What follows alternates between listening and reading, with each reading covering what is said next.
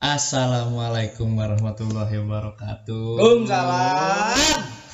Welcome back para pendengar-pendengarku. Anjay, kembali lagi di PCS Podcast Santuy. Cerot cerot cerot cerot cerot. Anjay, mana ini semangatnya ini? Bentar minum tadi. Diulang dah. Ulangin lagi lah. Ya. Kembali lagi di PCS Podcast Santuy. Trot trot trot trot. Anjay. Mantap. Ini kesempatan kali ini. Kesempatan kali ini nih kita akan membahas yang udah kita janjiin lah dari episode yang kemarin.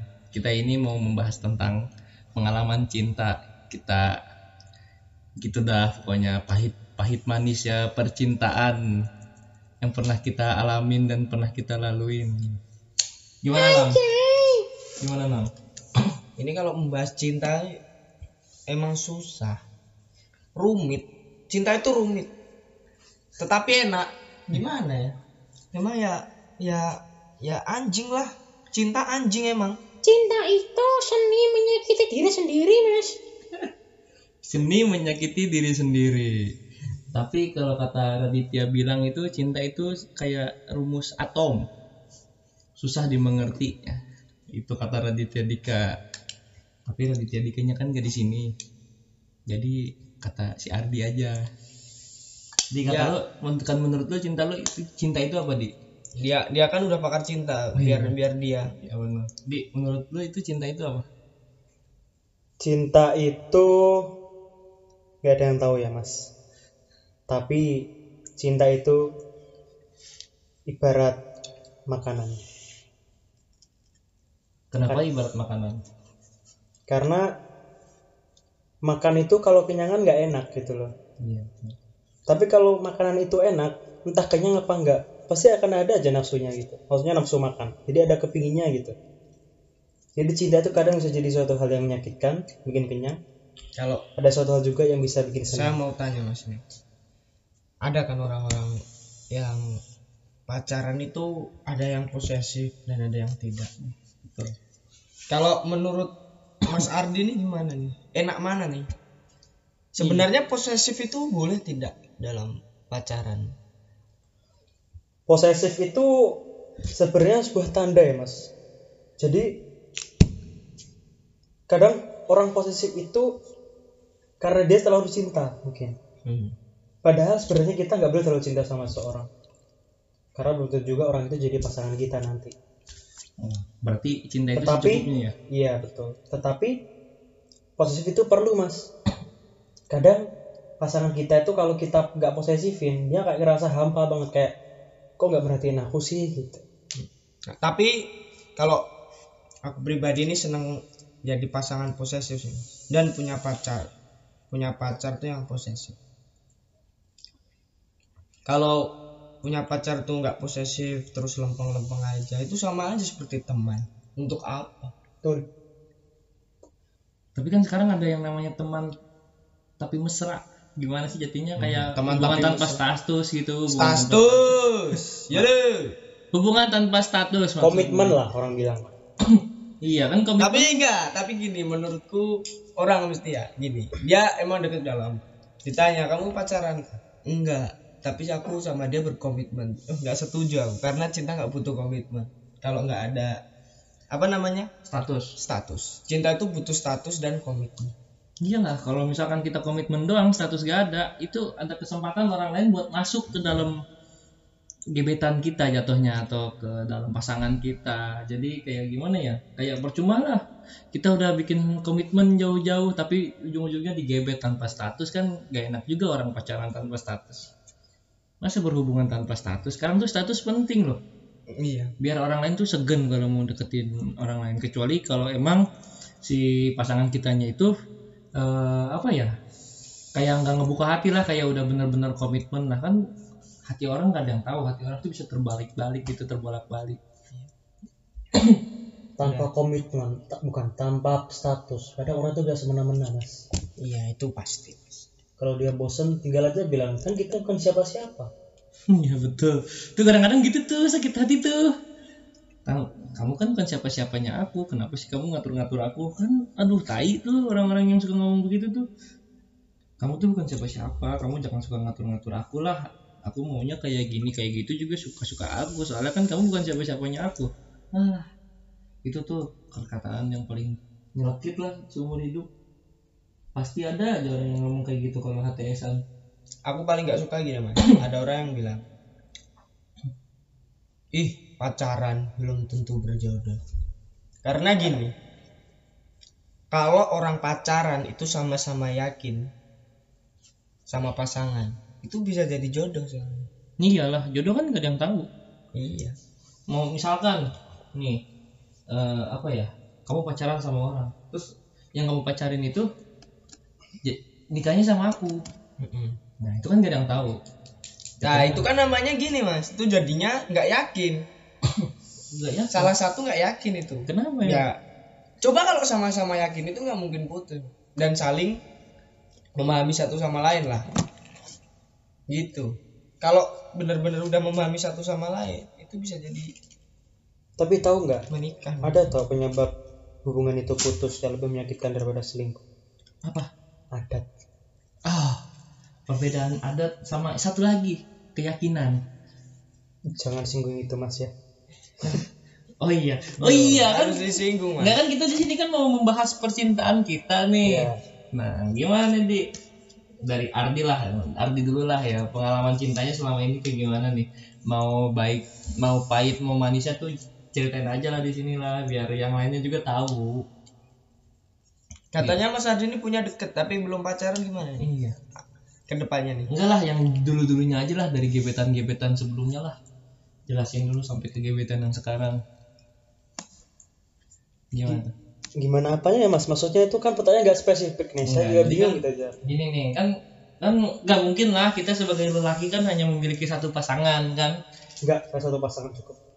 sebelum kita pacaran bener-bener lah jatuhnya kan kita masih mencari dong sampai nemu yang pas. Nah perjalanan yang pernah. Tapi kalau saya udah nemu yang pas mas gimana? Enggak lah ini kan kita ngomongin Ardi dulu. Oh nanti gantian berarti? iya gantian. Bisa. Perjalanan cinta lu itu berjalannya kayak gimana? Sampai menemukan yang pas sampai kayak sekarang. Kan sebelum sebelumnya pasti pernah deket dong sama orang lain. Nah sekarang itu eh, enaknya apa sih maksudnya? Kayak gimana ya? Kayak perjalanan cinta lu deh kayak gimana ceritanya? Gini mas. Kita milih pasangan dari pertama dulu itu menurutku itu kayak kita berjalan di kebun sih menurutku. Wanita itu indah. indah Ibarat bunga di kebun lah. Kita lagi berjalan di kebun nih. Kita suka sama bunga, tapi kita belum tahu mana yang lebih indah gitu. Kita berjalan ketemu satu bunga yang bagus. Kita ambil, kita petik, kita jaga. Ternyata pas kita jalannya ke depan, ada lebih indah lagi gitu. Ternyata, oh yang kemarin ternyata belum indah ya.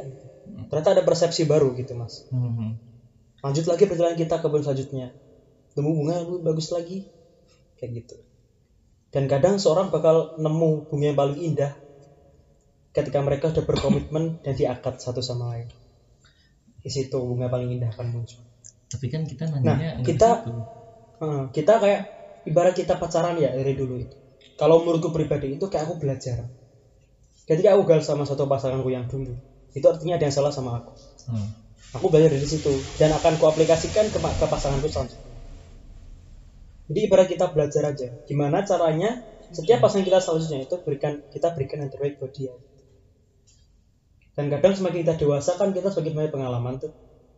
Biasanya makin susah buat mikirin udahan, lebih baik bertahan. sekarang tuh orang-orang lebih banyak gam- lebih gampang bilang udahan daripada bertahan ya Betul. lebih gampang melepaskan daripada mempertahankan emang kadang-kadang tuh sebuah hubungan ada lucu-lucunya juga sih.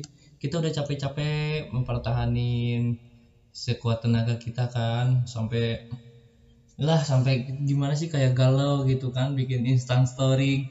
Latarnya hitam ada tulisannya terus ada lagunya gitu. Itu kan jatuhnya kan kita udah bener-bener capek lah sama apa sih apa yang kita rasain gitu kan. Dari patahnya sembuh lagi patah lagi sembuh lagi kan gimana ya? Cinta itu kan perlu sebuah pengorbanan. Betul. dan sebuah apa ya jatuhnya itu kita kayak kalau pengorbanan tuh kita kayak ngorbanin perasaan kita. Hmm. ngorbanin kayak eh apa sih jatuhnya kayak gimana nih? Kayak kita udah bener-bener suka sama dia kita udah ngasih dia segalanya tapi dia kayak nganggap enteng gitu. Kayak misalkan kita udah usaha nih kita jemput dia jam satu lah malam. Kita udah jemput set kita udah berangkat ganteng naik motor terus tiba-tiba hujan di jalan kan. Hmm. kita jemput ke sana sambil hujan-hujanan. Terus pas nyampe sana kamu kenapa jemputnya nggak pakai mobil? Gila. Sakit gak digituin? Sakit atau itu artinya dia kan nggak nerima kita apa adanya. Nah, kalau Ya kalau suruh minta naik mobil suruh nge-grab aja.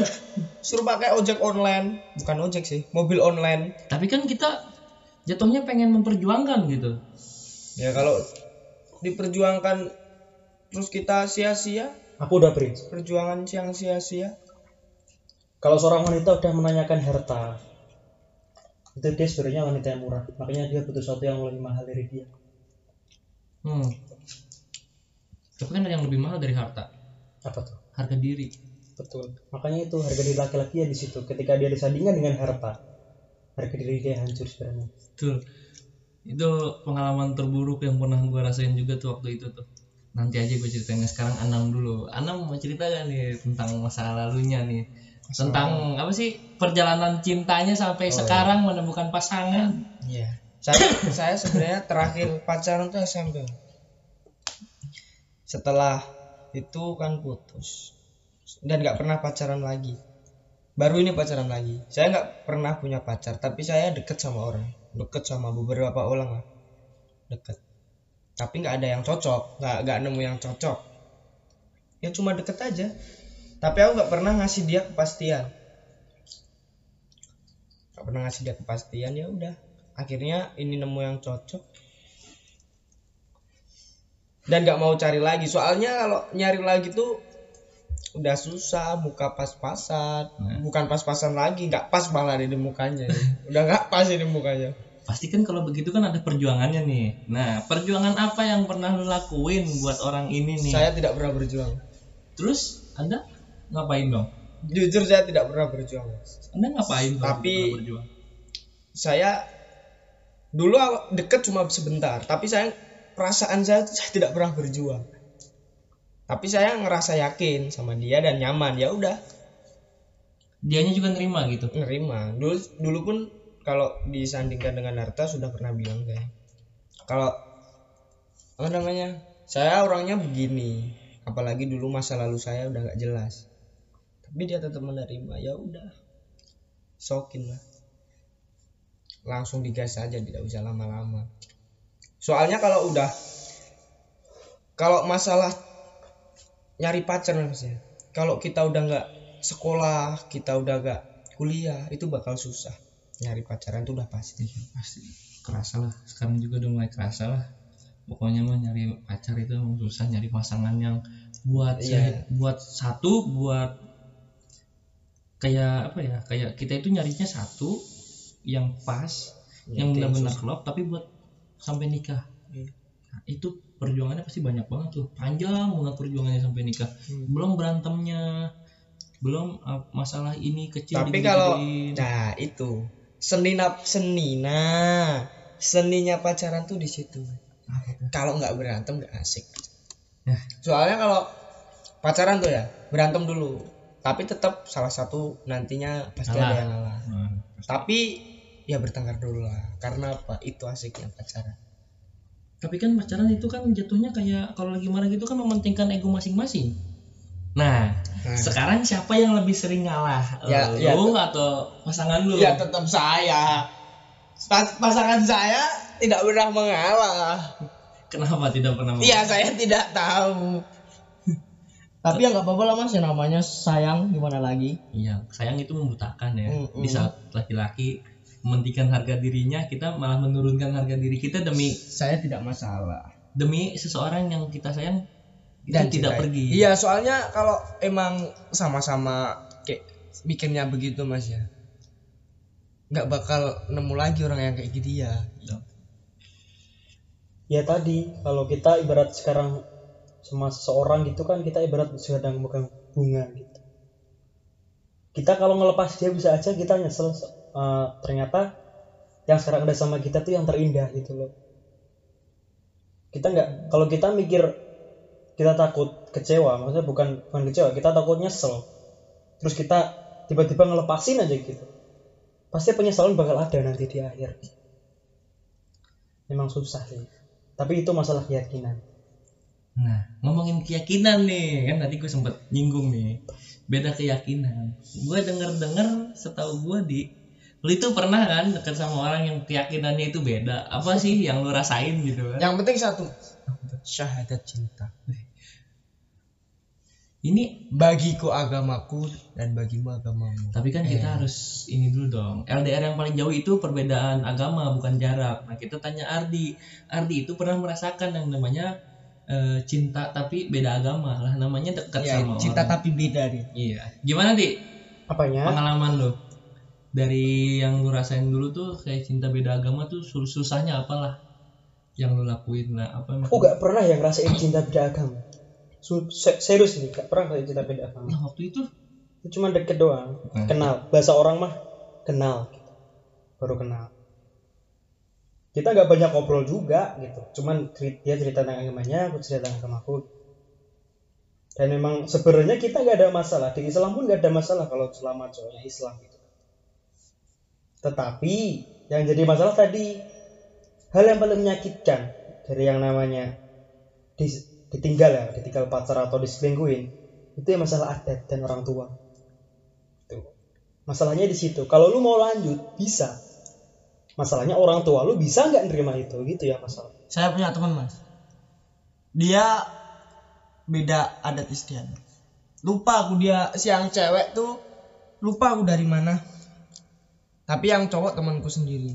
Dia udah pacaran lama, buat usaha dan usaha itu sukses berdua berdua. Hmm. Jualan kerudung dan itu sukses banget. terus Ya gara-gara beda Keyakinan. itu, beda bukan beda adat. oh beda adat emang mempengaruhi ya adat itu ya Mempengaruhi, Mas. Itu- itu yang buat mereka udahan dan nyesel kedua emang dua-duanya sama-sama sayang tapi adat berkata tidak. Jadi dua-duanya harus merelakan ya. Kalau soal cinta emang kadang-kadang tuh panjang terlalu panjang untuk dijelaskan. Tapi gimana ya kalau kita hidup tanpa cinta juga kayak hampa gitu. Betul. rasanya tuh kayak ada sebagian dari diri kita yang hilang. Kayak nggak ada perhatian dari orang lain nggak ada eh, kasih sayang dari orang lain nggak ada yang selalu ngingetin kita gitu kan kayak misalkan Anam jangan lupa sholat. Ya padahal ya, ya kalau tidak pernah sholat. Kan orang itu kan sudah sudah mulai mengingatkan lah. Kalau misalkan eh apa ya kalau misalkan dia nggak ngingetin juga takutnya dia yang salah gitu kan pacaran masa nggak gini nggak ngingetin satu sama lain? Pacaran apa yang nggak ngingetin satu sama lain gitu kan? Buat pasangan LDR ya. Bahasanya sia, bukan bukan sia sia. Bahasan yang bahasa basi gitu penting banget loh sebenarnya. basa basi Kayak udah makan belum, udah mandi belum, udah tidur, udah tadi tidur siang nggak? Sebenarnya hal kayak gitu itu nggak akan berbekas gitu. Bukan nggak berbekas ya, tapi nggak akan bertahan lama gitu buat dikenang karena cuman pertanyaan umum Iya. kan. Tapi kadang hal kayak gitu yang istimewa gitu loh. Ada perhatian sendiri di situ. Ibarat hati itu ada tempat, pertanyaan kayak gitu tuh ada tempatnya sendiri. Gitu. Kayak ada perhatiannya sendiri. Jadi tanpa hal kayak gitu rasanya kayak hampa banget. Kayak lu nggak pernah nanyain keadaanku sih, nggak pernah nanyain mau ngapain nih. tapi itu LDR yang paling berat itu beda keyakinan sama satu lagi kita ada di Bogor dia ada di pelukan orang lain wah sakit itu itu LDR paling jauh saya tuh tidak suka dihianatin semua orang juga kayaknya nggak suka dihianatin. Apalagi sama pasangan sendiri kan? Nggak bakalan mungkin ada yang rela orang Dan- gitu dan dihianatin. pacar kita itu apalagi mengkhianati kita dengan teman kita sendiri. Wah. Mau emosi emosi tapi kan nggak mungkin teman kita rusak pertemanan. Oh iya, jangan karena wanita kita beda tongkrongan lah jatuhnya ya. Nggak boleh lah. Tapi ini ngomong-ngomong nggak ada yang mau yang gak ada yang mau nanya gitu perjalanan cinta gue kayak gimana. Ngomong gak usah nggak mau. Dibahas ya. pertanyaan pertanyaan. Apa perjalanan cintamu kayaknya? Hampa. amburadul amburadul dia terlalu kompleks Coy. ibarat orang pacaran teh paling kita nyicip jalan satu jalan dua lah ya buat pendekatan dan lain-lain. Jangan lu ini udah jalan ke tiga empat lima sana. Udah aduh susah tadi mau nanya takutnya nanti air kebuka kan bahaya. Itu neraka. loh. tapi gue mendingan aib gue kebuka kalau soal pacaran biar bisa jadi ya coba pengalaman coba coba orang lain coba gitu coba kan. ceritain coba ceritain coba cerita tentang masa lalu lu yang paling berkesan gitu sama pasangan Duh, kalau dibilang berkesan mah jarang ada yang berkesan nah, ya. bohong lu Soalnya gimana ya, gue itu tipikal orang yang nggak bisa pacaran lama. Gue paling lama itu pacarannya 8 bulan. berarti kalau nanti menikah bisa lama Beda dong, nikah kan komitmen seumur hid- sehidup semati. Nikah itu cuma sekali. Nggak boleh namanya nikah dua kali kecuali salah satu dari pasangan kita meninggal. Nah, jadi tuh kayak istilahnya kayak kita mempelajari soal menikah itu dari almarhum B.J. Habibie. Gitu. Ainun Habibie. Ainun dan Habibie. Jadi ngulangin lagi pokoknya tuh cintanya bener-bener erat dah kalau misalkan kita udah nikah ya namanya komitmen. Nggak ada yang namanya komitmen nikah itu. Ya udahlah nanti kita nikah tapi beberapa nanti tahun depan kita cerai. Masa gitu? Kan nggak mungkin namanya komitmen. Aku udah memilih kamu sebagai ibu dari anak-anakku tolong dijaga dirawat dan diusahakan agar kita tidak berpisah. Anjir! Cakep bener aku kalau ngomong begitu tapi kalau dilakuin susah kayaknya sih. Susah. Soalnya kan ada yang bilang rumput tetangga lebih menarik daripada rumput kita sendiri. Di mata kita istri kita biasa aja tapi di mata orang lain ya. susah. Misalkan di rumah kan makanya itu kita namanya kita tuh kurang bersyukur mas. Ya betul. Tapi kan kita kan namanya nih kalau apalagi lagi corona gini kan Hmm. lagi corona gini tuh kemarin tuh lagi banyak berita tuh kantor KUA penuh sama orang yang mau cerai. Masalah ekonomi sama masalah sama masalah yang lain lah faktor-faktor yang lain. Karena apa ya? Misalkan kita di rumah mulu juga kan agak bosan gitu kan kalau ngeliat pasangan kita setiap hari. Di rumah dasteran nyuci piring nyuci baju yang tapi kalau sayang mah nggak bosan ya kalau sayang makanya kan kita itu harus me- apa ya merubah cara kita untuk berhubungan gitu kan. Jatuhnya kayak di rumah itu kita harus lebih sering ngobrol ngopi bareng atau quality time bareng gitu kan. Apalagi kalau udah punya anak kan anak kita diajakin jalan ke mana gitu kan biar nggak bosan kadang-kadang kita juga harus keluar berdua gitu biar nggak terlalu bosan juga kayak ngedate di tempat yang istilahnya berkesan lah buat awal-awal dia kenalan gitu kan.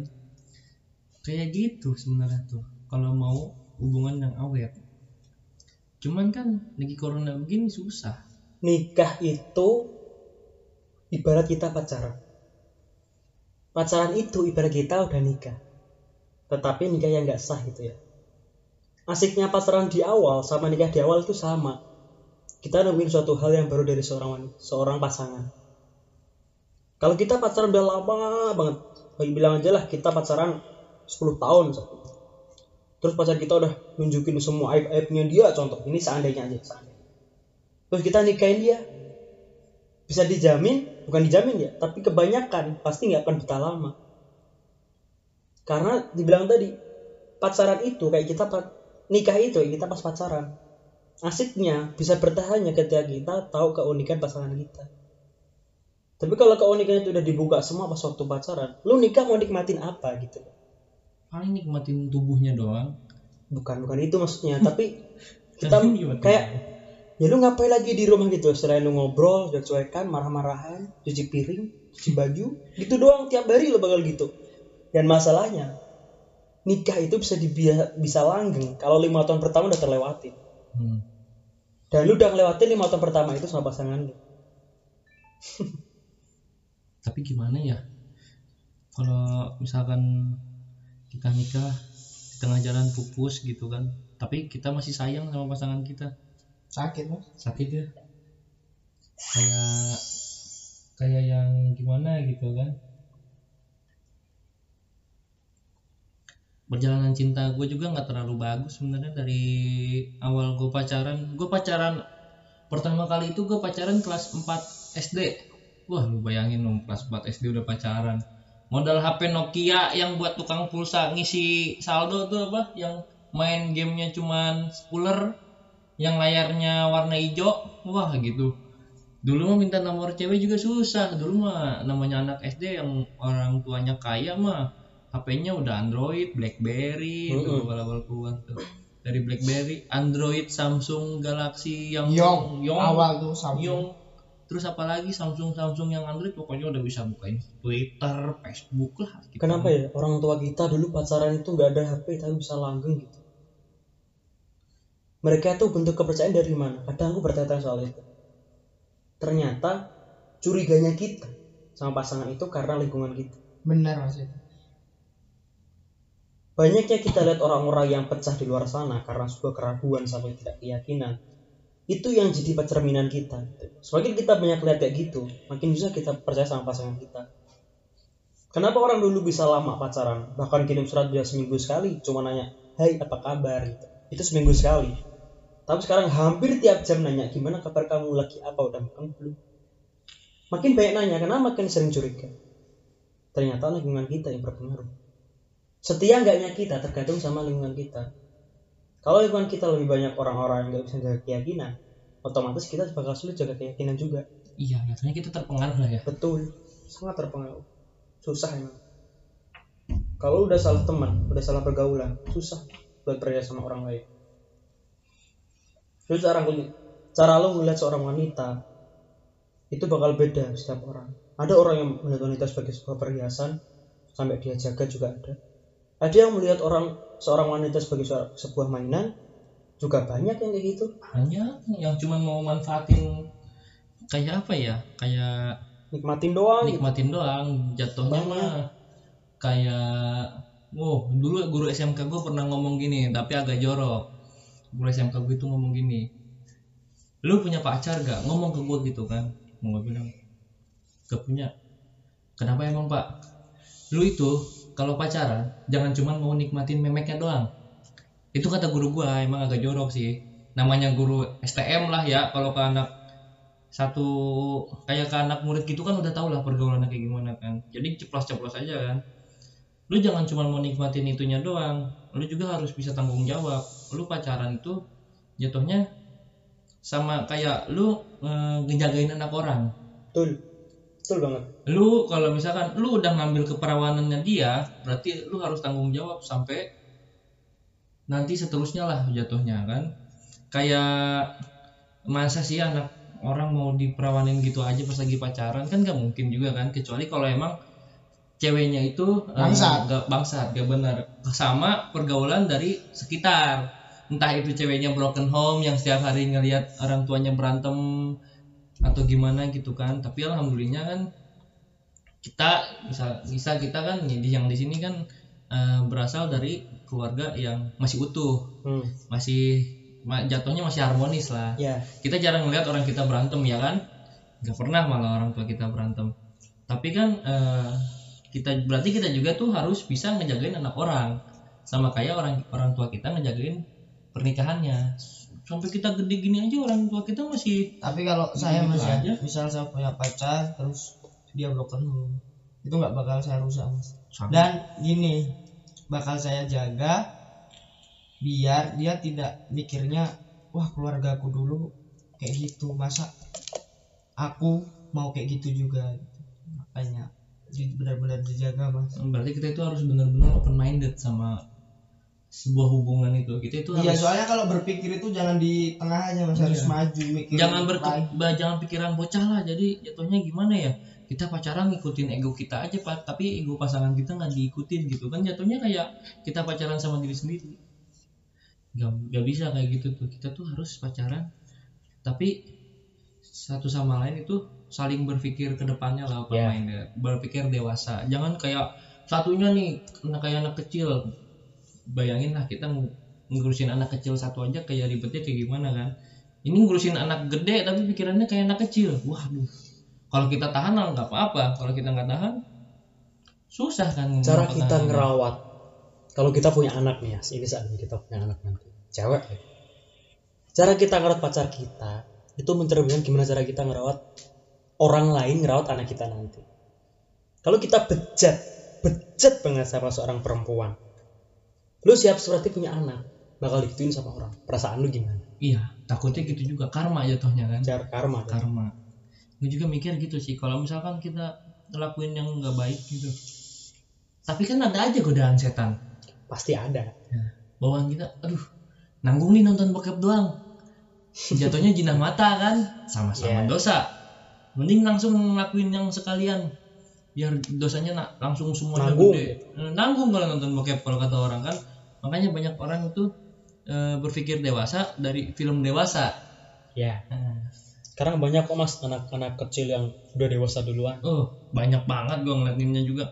Di Ini- jalanan pada pacaran pada Per- ngerokok. perbedaan pergaulan aja ya. Di kampung saya itu anak-anak SMP ya kelihatan anak SMP banget gitu loh. Tapi semenjak kita, aku pindah di Bogor nih ya anak SMP itu udah kayak anak-anak dewasa gitu mas. Penampilannya udah wah orang mah lihat langsung melek lah bahasanya mah oh bener nggak tahu ya emang emang kayak gitu pergaulannya. Bogor tuh karena perbatasan dari Jakarta sama Bandung kayaknya ya. Pergaulannya begitu soalnya kan. Iya bercampur ya kalau di daerah daerah lu kan gitu kan kayak di daerah Jawa ke sana gitu kan Jawa Timur Jawa masanya Tengah gitu masih kan. ada lah adatnya. Masih ada adatnya jadi masih aja gimana ya masih menghargai orang yang lebih tua jatuhnya. Di sini mah enggak orang yang lebih muda aja manggil kita kadang-kadang seenaknya. Kadang-kadang juga manggil kita kasar gitu kan. Iya. kayak nggak diajarin sama orang tuanya. Itulah namanya dewasa dini ya gitu mas. Dulu masih kecil mah gue main kelereng gue sama teman-teman komplek. Sekarang mah orang mainnya apa ya? PUBG Free Fire Mobile Legend segala macem dimainin sampai apa? Postingan di Instagram lagi pada ngerokok di pinggir sawah pinggir lapangan. Aduh, anak kecil. Oh bahasanya juga kok gede-gede? Bahasanya kasar kalau lihat-lihat di Instagram tuh kadang-kadang suka masuk tuh di explore tuh di akun-akun kayak akun-akun ya aurece gitu kan. Masuk tuh di situ tuh ih cek anak bocah megang celurit sambil ngerokok. Waduh ini. Udah belaga juga. ya pahlawan. Udah kayak duh kalau tawuran nah ini mah masih bau kencur lah kalau kata Hmm. orang. Masih bau kencur gayanya selangit bahaya. Tapi ya gimana ya? Kita nggak bisa nyalahin juga sih. Iya tetap yang sekitar. salah bukan dia sih. lingkungan sekitarnya. Lingkungan dan paling utama itu pengaruhnya keluarga dan kita kembali ke topik kita tentang percintaan. Ya betul. Kita udah terlalu jauh kayaknya jalan-jalan nih iya. Bahas yang lain-lain. Judulnya percintaan ini. Bahasnya ke anak kecil? Udah tapi nggak apa-apa lah. Biar agak ada sedikit obrolan juga biar nggak gabut. Cinta soalnya kan terlalu panjang juga kalau dijelasin satu persatu. Apalagi dengan kata-kata. Cewek sekarang mana mau sih nerima cowok yang cuma dilakuinnya cuma di chat doang kayak benar tadi nanya udah makan belum? Kita tuh harus berubah. Kamu mau makan apa? Aku anterin ke rumah gitu kan. Wih, sekarang mah gitu. sekarang mah zaman udah canggih. Kalau kita nggak bisa ketemu kamu makan apa? Aku kirimin pakai GoFood gitu kan pakai GrabFood gitu kan. Aku iya sih kalau punya uang mah gitu. Kalau nggak punya uang juga sama aja bohong tuh? Kita mau ke sono nggak punya duit mau beli apaan? Buat pacar kita. Jatuhnya udah kamu masak mie aja. Aku beliin mie indomie dua gitu kan biar kuat bisa begitu kan nggak mungkin. Kalau cinta itu ya menurut pandangan gue nih cinta itu apa ya ibarat kata kita eh, lagi latihan kuda lagi latihan berkuda. Pasti awal-awal kita sering jatuh ya kan? Kita sering jatuh kita pasti ada cederanya pasti ada yang kayak patah tulang gitu kan. Cinta juga sama kita awal-awalnya jatuh kita sa- ngerasain sakit hati kita ngerasain yang namanya eh, nangis nangis nangis hebat lah jatuhnya kan. Iya. wah galau nih. Nangis dengerin lagu yang sedikit terbawa emosi nangis gitu kan. Zaman sekarang tuh begitu kalau menurut pemikiran gua ya kalau soal cinta. Soalnya apa? Cinta itu eh, bukan sekedar memiliki tapi juga eh, melengkapi. melengkapi satu sama lain benar cinta itu kan karena kalau kar- karena kalau udah gede tuh mindsetnya dicinta itu beda mas dari anak-anak SMP Iya. Dulu mah kan nyari pacar gampang kan? Chat dikit dapat. Wah, zaman sekarang jujur nih, gua udah 20 tahun. Gua yang namanya nyari pacar itu susah. Karena apa? Gua itu orangnya insecure. Harta gua nggak ada apa-apanya lah dibandingkan laki-laki yang ada di luar gitu kan. Terus gua juga masih terpengaruh sama gua masih tinggal sama orang tua, otomatis gua harus nurutin apa kata ibu gua kan, orang tua gua kan. Misalkan pulang jam segini ya udah gue pulang jam segitu kan. Kalau misalkan gue nggak ikutin kata-katanya orang tua gue pasti paginya ada berantemnya. Entah itu gue dicuekin entah itu Hmm. gue nggak dikasih uang jajan gitu kan. Sakit rasanya lebih sakit sama orang tua daripada sama pacar sendiri digituin tapi gimana ya namanya laki-laki pasti ya bakal ngerasain yang namanya insecure sih buat deketin seorang wanita. Apalagi sekarang zaman milenial. Semua orang itu terpaku sama sosmed. Dan dan, dan lu nggak lu good looking lu nggak dapetin hati perempuan. Intinya good looking. Rata-rata sekarang apa ya kalau gue lihat-lihat nih bukannya gue mau ngatain segala macem lah ya kendaraan. Tapi kan sekarang lu lihat bisa lihat sendiri kan di jalanan mana cowok yang jelek naik Vespa Matic bawa cewek jelek nggak ada sampai sekarang nggak pernah lihat ada jujur nih Jujur, gue pernah ngeliat cewek cantik dibawa naik Supra, cowoknya jelek. Itu di Bandung. Terakhir kali gue PKL itu kelas 2, sekitar 2 tahun yang lalu lah. Motor Supra bodong, tahu nggak ada bodinya? Bawa cewek cantik, dianya diem aja di jalan meluk. Sekarang, orang Vespa, orang setia. Waduh. orang ninja Sekarang mah orang nonggeng, orang sepalang sekarang mah. Orang sekarang mah yang bilang orang beat, orang sweet. Nah, gua motor cuman motor begituan doang, modal knalpot berisik doang. kalau cewek sekarang itu lebih sering insecure sih menurutku ah, masa sih? dia itu kadang membandingkan pantas enggaknya dia dicinta itu dari kecantikan Tapi menurut gue semua cewek itu cantik sih. Itu perspektif orang masing-masing Tapi gimana ya banyak persepsi orang masing-masing sih menurutku banyak orang itu yang ngelihat cewek itu mulai dari fisik sih. ya memang Enggak. betul Enggak karena sih. memang namanya orang mah dilihat pertama penampilan iya. nggak mungkin tuh kita baru kenal baru lihat gini langsung nanya nama siapa backgroundnya gimana orang tua namanya siapa Tapi kan ada juga orang yang mikir gini, nggak apa-apa cewek gue jelek, yang penting gue nyaman sama dia, obrolan gue masuk sama dia, segala yang gue pikirin sama dia nyambung, jadi jatuhnya satu circle. Di situ kan banyak orang yang timbul rasa nyaman gitu kan. Dia nggak ngeliatin muka, yang penting lu sama gue masuk obrolan dari obrolan sama dari yang lainnya. biasanya kayak gitu tuh yang awalnya temenan sih Hah? kalau awalnya temenan kayaknya susah ya kalau gitu gue dulu pernah nembak temen gue temenan udah tiga tahun terus dia ngomong apa pas gue tembak kita itu udah kelamaan temenan. Takutnya kalau misalkan kita pacaran kita putus jatuhnya canggung. Canggung. Jadi kalau misalkan kita ngumpul sama teman-teman sekelas yang lain kayak reunian gitu kita jadi jarang ngobrol. Makanya gue ditolak. Katanya kita lebih lebih baiknya temenan aja daripada kita pacaran. Gitu. Kadang-kadang gue juga nggak ngerti. Gue pengen gitu kayak di film kan.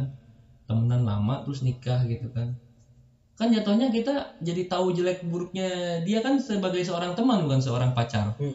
kita juga nggak bisa jaim kan misalkan dulu ce- misalkan nih gue nikah nikahnya itu sama temen gue sendiri yang udah deket dari dulu dari masa sekolah lah ya. Gue udah tahu jeleknya dia dia udah tahu jeleknya gue dia gue udah nggak jaim sama dia dia udah nggak jaim sama gue jatuhnya kan kita nikah masih bisa ledek-ledekan dong. Takutnya orang misalkan pacaran kan pacaran yang namanya pacaran itu kita masih bisa jaga image. Masih bisa pakai muka dua. Iya. Ya jadi di depan pasangan kita kita begini di belakangnya kita begitu. Nah mendingan jujur aja memang mendingan kita nikah sama teman sendiri daripada sama orang yang baru kita kenal pacaran kayak pacaran setahun dua tahun gitu kan. Pasti masih ada yang ditutup-tutupin. Ya nggak Nal? Tuh, Ya, tadi diem aja ngapain sih ngantuk. Aku tak mendengarkan anda-anda tuh bercerita soalnya lebih senior. Saya sih masih junior mas. ya Tak mendengarkan berarti saja. berarti ya lu tipe tipikal orang yang nyari satu beneran satu Iya. ah enggak ah Jangan gitu mas. tapi jujur saya saya jujur mas. Nyari satu ya satu mas. Dari udah satu. udah udah dapet ya udah mas. cari satu buat satu waktu takutnya tumbuh satu eh hilang satu tumbuh seribu Enggak mas. Saya saya tetap kembali ke topik awal mas. Muka saya pas-pasan dan bukan pas-pasan lagi. Sudah tidak pas muka saya ini mas. Jadinya ya udah mas dinikmatin aja mas. Tapi jujur ya gue itu nggak pacaran itu. Dulu sempet apa ya gue nggak pacaran tapi gue deket sama banyak orang. Nah di situ gue itu dibilang sama temen gue itu playboy. Zaman sekarang mah fucek boy gila. Fucek boy. Sekarang mah dipanggilnya fucek boy jadi ceweknya di mana mana lucu ya? Kenapa gitu? Zaman sekarang kita tuh mau buat baik nih sama orang ibaratlah kita buat baik sama 10 orang. Hmm. dan itu semua cewek. Kita anggap dia temen kita baikin dia kita bantuin dia. Tapi nggak tahu kenapa sekarang orang kita nge- ngecap kita sebagai fuckboy gitu loh. Lalu tujuan kita kan buat bantu ya apa salahnya gitu? Ternyata saya simpulin pribadi. Di zaman kayak gini tuh kita baik kayaknya bakal dinilai lain. Orang mah baik gak akan bisa lihat kita kalau kita kalau dia nggak kenal kita banget gitu loh. Iya benar orang lihat sekali udah bisa nyimpulin kita oh, orang ini jahat nakal orang ini fuckboy gitu. Padahal yang kita padahal baik dan kebanyakan orang sekarang itu baperan. Nah itu yang gue males baperan. Baperan banget kita beliin makan dikit. Bukan beliin makan ya kita bantuin dia dikit gitu. Udah. Ih kok perhatian banget sih gini gini ntar dia ngomong ke teman-teman gini gini gini gini gini. Udah lah kita jadi masalah di situ. Nah, kadang-kadang juga gini, misalkan nih ya, eh, kita punya temen, Hmm. nah temen cewek lah dekat gitu kan, atau enggak kayak baru kenal, kayak satu kampus. Kan lu masuk kampus kan pasti lu ketemu teman baru kan, Hmm. nah di situ lu dekat sama temennya, temen lu itu yang cewek, pasti salah sat- satu pertanyaan yang ditanya ke cewek yang kita deketin itu, kok lu mau sih sama dia? Hmm. udah nggak asing dong lu sama pikiran gitu. Kok lu mau sih sama dia? Dia kan orangnya gini gini gini gini nah kadang itu yang merusak pertemanan juga tuh. Kita nggak tahu apa apa dia cerita di belakang tiba-tiba si ceweknya itu ngejauh. Tanpa dia tahu yang benernya itu kita kayak gimana. Iya. Jadi itu dia cuma mendengar cerita dari orang lain tapi nggak mau eh, ngelihat langsung dari mata kepala dia sendiri. Itu yang paling gue males tuh sama orang zaman sekarang. Deket dikit sama temennya kalau mau sih sama dia? Kalau mau sih sama dia? Ya kalau dia nggak mau juga gue nggak maksa sebenarnya makan kalau dia mau syukur kalau enggak ya udah gue Hmm. bisa ngejauh gue bisa nyari yang lain. Gue bisa eh, misalkan eh, mencari lagi yang lebih baik dari dia yang mungkin eh, nggak ngedenger gua itu dari cerita orang. Jatuhnya yang nerima gua emang bener-bener yang dia lihat dari mata kepala dia sendiri bukan yang dia denger dari kuping sebelah kanan keluar kuping sebelah kiri. Iya kan kadang-kadang kalau masuk kanan keluar kiri kan ngebekas di tengah-tengah nih. Aduh ya bener. Waktu itu dia ngomong begini begini begini. Aduh udah nah itu tuh. kedokrin. Kalau orang udah gitu mah susah banget buat dibilangin mah. Bingung juga sih. Sekarang mah menurut aku ya ini menurut pribadi sih. Entah kalian setuju apa enggak ya. Zaman kayak gini tuh terlalu baik tuh salah. Nah. Kalau dulu kita berbaik itu wajib ke semua orang. Tapi kalau zaman kayak gini yang di mana semua orang berita kayak gimana bisa tersebar ya hoak apa pun lah bisa. Jadi terlalu baik sama orang itu salah menurutku sekarang. Kita sekarang harus baik kalau kita kenal dan tahu niat dia apa. Hmm. kalau kita dulu meskipun nggak kenal mau gimana baik ya baik gitu. Iya. Tapi nggak tahu sekarang kita baik dikit ke orang. Orang udah ngecap nakal fuckboy macam-macam lah. Wah pasti. pasti itu mah makanya kalau lu mau baik silahkan baik. Tapi harus harus tahu tempatnya di mana buat berbaik baik gitu. Kalau lu buat baik ke semua orang bisa jadi orang yang lu buat baik itu orang yang lainnya nggak suka dan lihat tuh pas posisi yang salah. Hmm. kayak gitu sih. Jadi boleh sih lu baik. Kalian boleh sih baik ke orang tapi jangan terlalu baik sih untuk saat ini. Karena posisi kalian saat ini lagi di zaman yang di mana semua berita itu bisa terjadi gitu. Sekarang mah lagi zaman zamannya hoax. Mm-mm. hoax sedikit-sedikit cerita ada berita dikit yang nggak bener jadiin hoax. Kalau berita dulu mah gini ya contoh ada satu cewek suka sama lu terus dia nge diri nih gue pasti nasi umen gitu contoh. Kalau orang dulu mah gak ada sosmed ya ada. orang mah gak ada tahu lu suka lu suka ya. Paling teman-temannya sendiri circle yang sendiri. Hmm. nah sekarang gue suka sama lu. Dia bikin sensasi gitu sebari sosmed seret semua orang tahu dedet jadilah wah kayak gitu sekarang dan orang sekarang itu lebih mudah terpengaruh karena orang nggak mau tahu yang penting gue tahu mana sensasinya gitu Iya betul. Sekarang aja orang yang sering ngepost foto sama pacarnya, pas orang itu ngearsipin fotonya sama pacarnya, dicap udah putus ya. Lu putus ya sama isi ini. iya betul Padahal kan misalkan kita mau memperbaiki feeds di sosial media kita kan, jatuhnya kayak misalkan foto ini udah terlalu lama nih ditaruh di Instagram, cari yang lain lagi ah.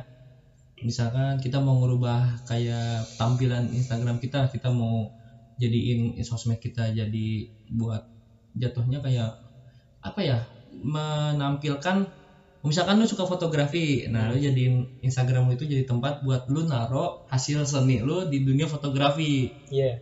Lu suka editing lu taro eh, hasil edit lu itu di dalam Instagram lu biar orang tahu ih ini orang hebat bukan bukan karena kita itu ngarsipin foto pasangan kita itu berarti kita putus. Bukan berarti kita putus. Mungkin kita ada maksud dan tujuan lain. Emang gitu karena orang ya gitu dilihat dari apa yang dia sendiri gitu. Iya nggak ada yang orang sekarang tuh malas bertanya gitu. Malas nyari tahu.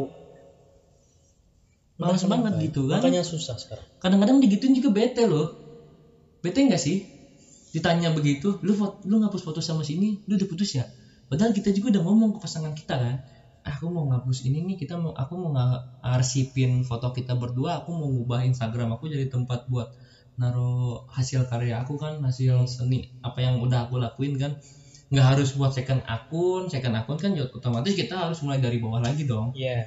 Kita maunya langsung orang yang kita kenal itu tahu apa yang ada di dalam diri kita gitu kan bakat apa siapa tahu jangan lu suka fotografi teman lu mau nikah lu yang disuruh foto jadi duit. Walaupun teman kita nggak enakan kadang-kadang kan tapi namanya teman mah ini buat ongkos ini buat makan ini buat beli rokok atau segala macem kan. Gitu jadi itu wadah. Jadi itu sosial media itu sebenarnya sebuah wadah. Wadah untuk berkreasi bukan untuk men- apa sih me- menunjukkan kelebihan kita. Kayak pamer pa- pamer mobil iya pamer Sekarang kendaraan. gitu, Mas. Eh, kendaraan Vespa Matic mobil BMW yang penting logonya logo yang udah dilihat orang mahal aja pokoknya kan. Padahal mobil yang lain juga sama aja fungsinya. Buat buat apa sih namanya? Buat jalan rame-rame. Iya. Buat ngindarin kita dari panas sama hujan gitu kan. Tapi zaman sekarang lebih enak naik motor.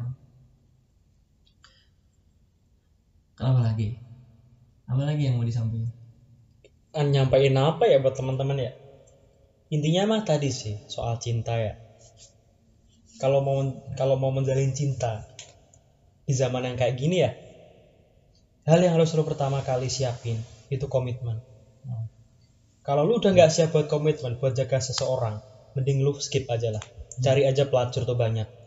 Hmm. kalau Tapi cuma mau muasin diri sendiri ya? kalau cuman buat muasin diri sendiri lu beri cari pelacur aja tapi kalau lu mau menjaga hati seseorang lu siap buat komitmen buat seseorang. Lu siap mencinta seseorang lu siap jagain dia buat orang tuanya atau buat diri kamu sendiri di masa depan. Lu cari yang terbaik buat lu.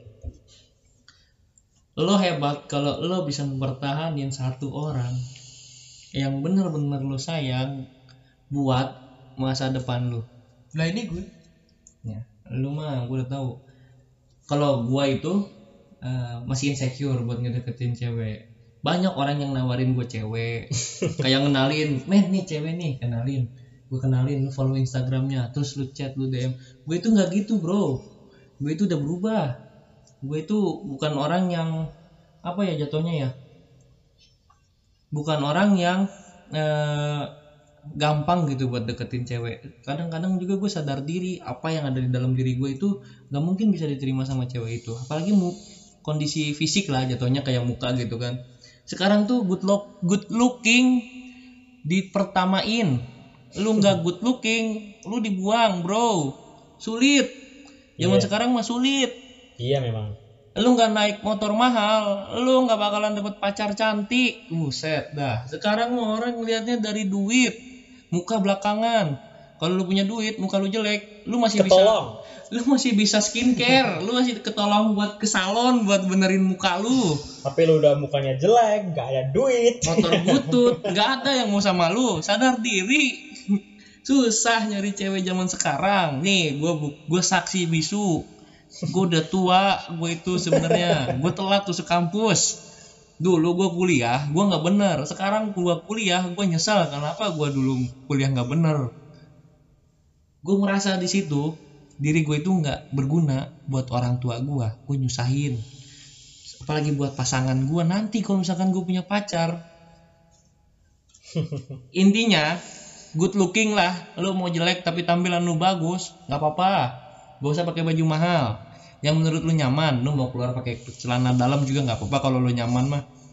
Kalau misalkan lu nggak nyaman pakai celana pendek lah. Lu tahu diri malu buat diliatin orang celana pendek kayak tuyul Intinya ya, bukan kita bukan mempermasalahkan nih orang yang mukanya kurang atau rezekinya kurang gitu ya. Tapi tahu diri lah gitu. Intinya mah lu harus bisa nempatin diri lu gitu. hmm, betul Kalau lu berangkat kondangan, lu jangan pakai celana jeans goblok. Kalau lu mau kondangan, ya pakai baju batik, celana bahan yang sopan kayak gitu. Kalau lu udah gak punya apa-apa, lu udah gimana pun, tapi lu masih apa ya namanya ya? Lu merasa kalau diri itu lebih antara yang lain, lu goblok namanya, lu gak akan dapat apa-apa di situ. Zaman sekarang itu minimal lu bisa nempatin diri lu sendiri aja udah di situ bukannya kita menyalahkan tapi penempatan diri itu penting gitu loh buat kalian buat kita semua lah bukan buat teman-teman doang buat kita juga ini masa lu ke kondangan pakai celana jeans sama yang robek-robek atasannya pakai jaket eh pakai baju flanel. Jamet tau lu mau jadi apa dilihat sama calon ibu mertua lu nanti? Apalagi yang nikah kakaknya pacar lu. Bingung lo ngeliatin orang tuanya dia juga. Ih calon gue begini amat dan yang nggak ada sopan sopiannya sopan sopian. Ah, intinya buat kalian di sana nyari pacar itu nyari pasangan itu yang bisa nerima lu. yang bisa terima lu apa adanya. Nggak apa-apa muka lu jelek. Nggak apa-apa motor lu jelek. Lu lahir dari keluarga sederhana itu yang harus lu syukurin. Bukan karena lu ngeliat dari orang lain temen lu bapaknya kaya biarin aja yang kaya bapaknya temen lu tetap aja miskin numpang. Kecuali kalau temen lu nih udah punya rumah sendiri lu baru boleh insecure. Kalau gue insecure bukan gara-gara itu karena muka gue jelek aja. Cewek takutnya pada nggak mau sama gue bukan karena apa eh gua nggak punya duit orang tua gua gini gini gue bersyukur uang jajan gua sekarang aja udah alhamdulillah banget buat sebulan. Kalau cukup. Kalau nggak cukup ya udah ngebekal. Jadi nah lu ada ini nggak? Nggak ada? Ya udah. Nambahin dikit nih. Ya silahkan ngingetin lagi aja sih. Tadi kembali lagi komitmen. Lu kalau mau nyari pasangan bukan berarti lu harus punya segalanya. Yang penting lu punya niat buat komitmen lu bisa jagain dia lu bisa nerima dia dan dia bisa nerima lu. Itu yang paling penting. Dan pertahanin apa yang sekarang lo punya dan miliki. Dan jangan pernah nyia-nyiain apa yang lo miliki. nah dan teruntuk nih satu lagi ya sebelum ditutup. Gue pengen tahu pesan lu buat para perempuan di luar sana. Kalau gue gini buat para perempuan di luar sana. Janganlah tolong ya jangan. Lu ngelihat laki-laki itu dari muka sama dari harta. Jangan. Siapa tahu orang yang dulunya miskin pas kenal lu dia mulai berusaha buat bikin lu bahagia nanti pas udah jadi pacar pasangannya dia. Kita itu nggak tahu perjuangan orang. Perjuangan orang itu beda-beda. Lu nggak tahu apa yang dia rasain dulu apa pahitnya perjalanan dia demi lu. buat lu biarinlah mukanya dia jelek. Kalau misalkan dia punya duit lu bisa suruh dia skincarean di salon kan tadi gua ngomong. Kalau misalkan dia jelek dia punya duit terus mau sama lu lu jangan mau. Intinya cari cowok yang bekerja keras. Jangan pengalaman aja nggak cukup. Kerja keras lebih penting. Yang penting itu hatinya buat lu seorang dan tulus buat perasaan lu ke dia itu tulus bukan karena dari materi ataupun dari segi fisiknya ya. Tolong banget ini mah ya. Karena gue di sini merasa terasingkan. Gue nyari cewek susah. Nggak ada gue insecure sama gue gue insecure sama diri gue sendiri. Kalau gue punya duit gue mending perawatan muka di salon. Tapi ke salonnya malu sih emang. Salon kan buat cewek. Gue datang laki-laki sendiri emang mau nyalon itu harus pedikur manicure iya pedikur Padahal manicure mah kita laki-laki kuku panjang gigitin aja cuek mau cacingan juga kita ini yang cacingan kagak ada urusannya sama orang lain. Kalau lu apa dik? Pesan buat para wanita di luar sana. pesan buat teman-teman cewek ya terutama teman-teman dekatku dan termasuk pasanganku sekarang pinter-pinter jaga diri aja sih karena zaman sekarang itu cowok kelihatan baik itu banyak ingat ya cowok kelihatan baik itu banyak. Belum tentu dia baik sebenarnya ketika dekat sama lu tapi banyak juga cowok yang kelihatan nakal ternyata nakal banyak juga cowok yang kelihatan nakal padahal dia hatinya cuma buat lu gitu Betul. jadi coba lu pertama harus pinter jaga diri dan tahu diri. Yang kedua, lu harus apa namanya? Jangan jadi yang murahan. Itu yang paling penting. Itu penting banget. Kalau lu jadi murahan, bisa dijamin 100% pasangan lu juga pasangan yang murahan. Lu mau jadi orang yang murahan, apa orang yang mau mahal kayak perhiasan biar dijaga orang lain? Gitu. Kalau Anam apa Anam pesan-pesan buat para wanita di luar sana? malam gelap berkelabu mas Apa tuh? angin berembus mulai resah Itu mah lagu lu. oh iya lupa Ini kan judulnya pesanku eh Ya, terus apa lagi tuh? Iya. Kalau pesan saya sih gini mas, kalau udah punya pasangan tuh ya saling terbuka aja lah dan jangan mentingin ego sendiri, saling meyakinkan lah intinya. Udah mas itu aja. Dan untuk malam dan langit sampaikan pesanku. Ya. Oke lah, mungkin cukup sampai segini ya. Soalnya udah panjang banget nih. Aduh. Ini sebenarnya seben seben seben seben sebenarnya kalau bicara bicara cinta nih nggak ada habisnya mas. bakal panjang banget sih karena bahasan kita banyak tapi pasti yang nonton juga ketiduran sih pastinya mah Iya, soalnya kemarin aja yang episode persatu orang ngomong gini pas gue share kan, kebut amat gue ngedengerin orang ngomong setengah jam. Buset, namanya podcast kalau 10 menit namanya bukan podcast, kultum. Kultum 7 menit mas, oh nggak apa-apa, tapi kultum bisa molor 10 menit ya biasanya. Kultum aja bisa lebih coba lu ke acara pengajian yang gede. Pasti nggak bakalan. apalagi jamaahnya baperan kayak lu Ya udah udah udah, ya udah udah, udah. Ya, pokoknya- Mending kita tutup podcast kali ini Nah, yang membahas membahas cinta-cinta rentan-rentan dan masalah hati satu satu pesan lagi sebelum penutupan.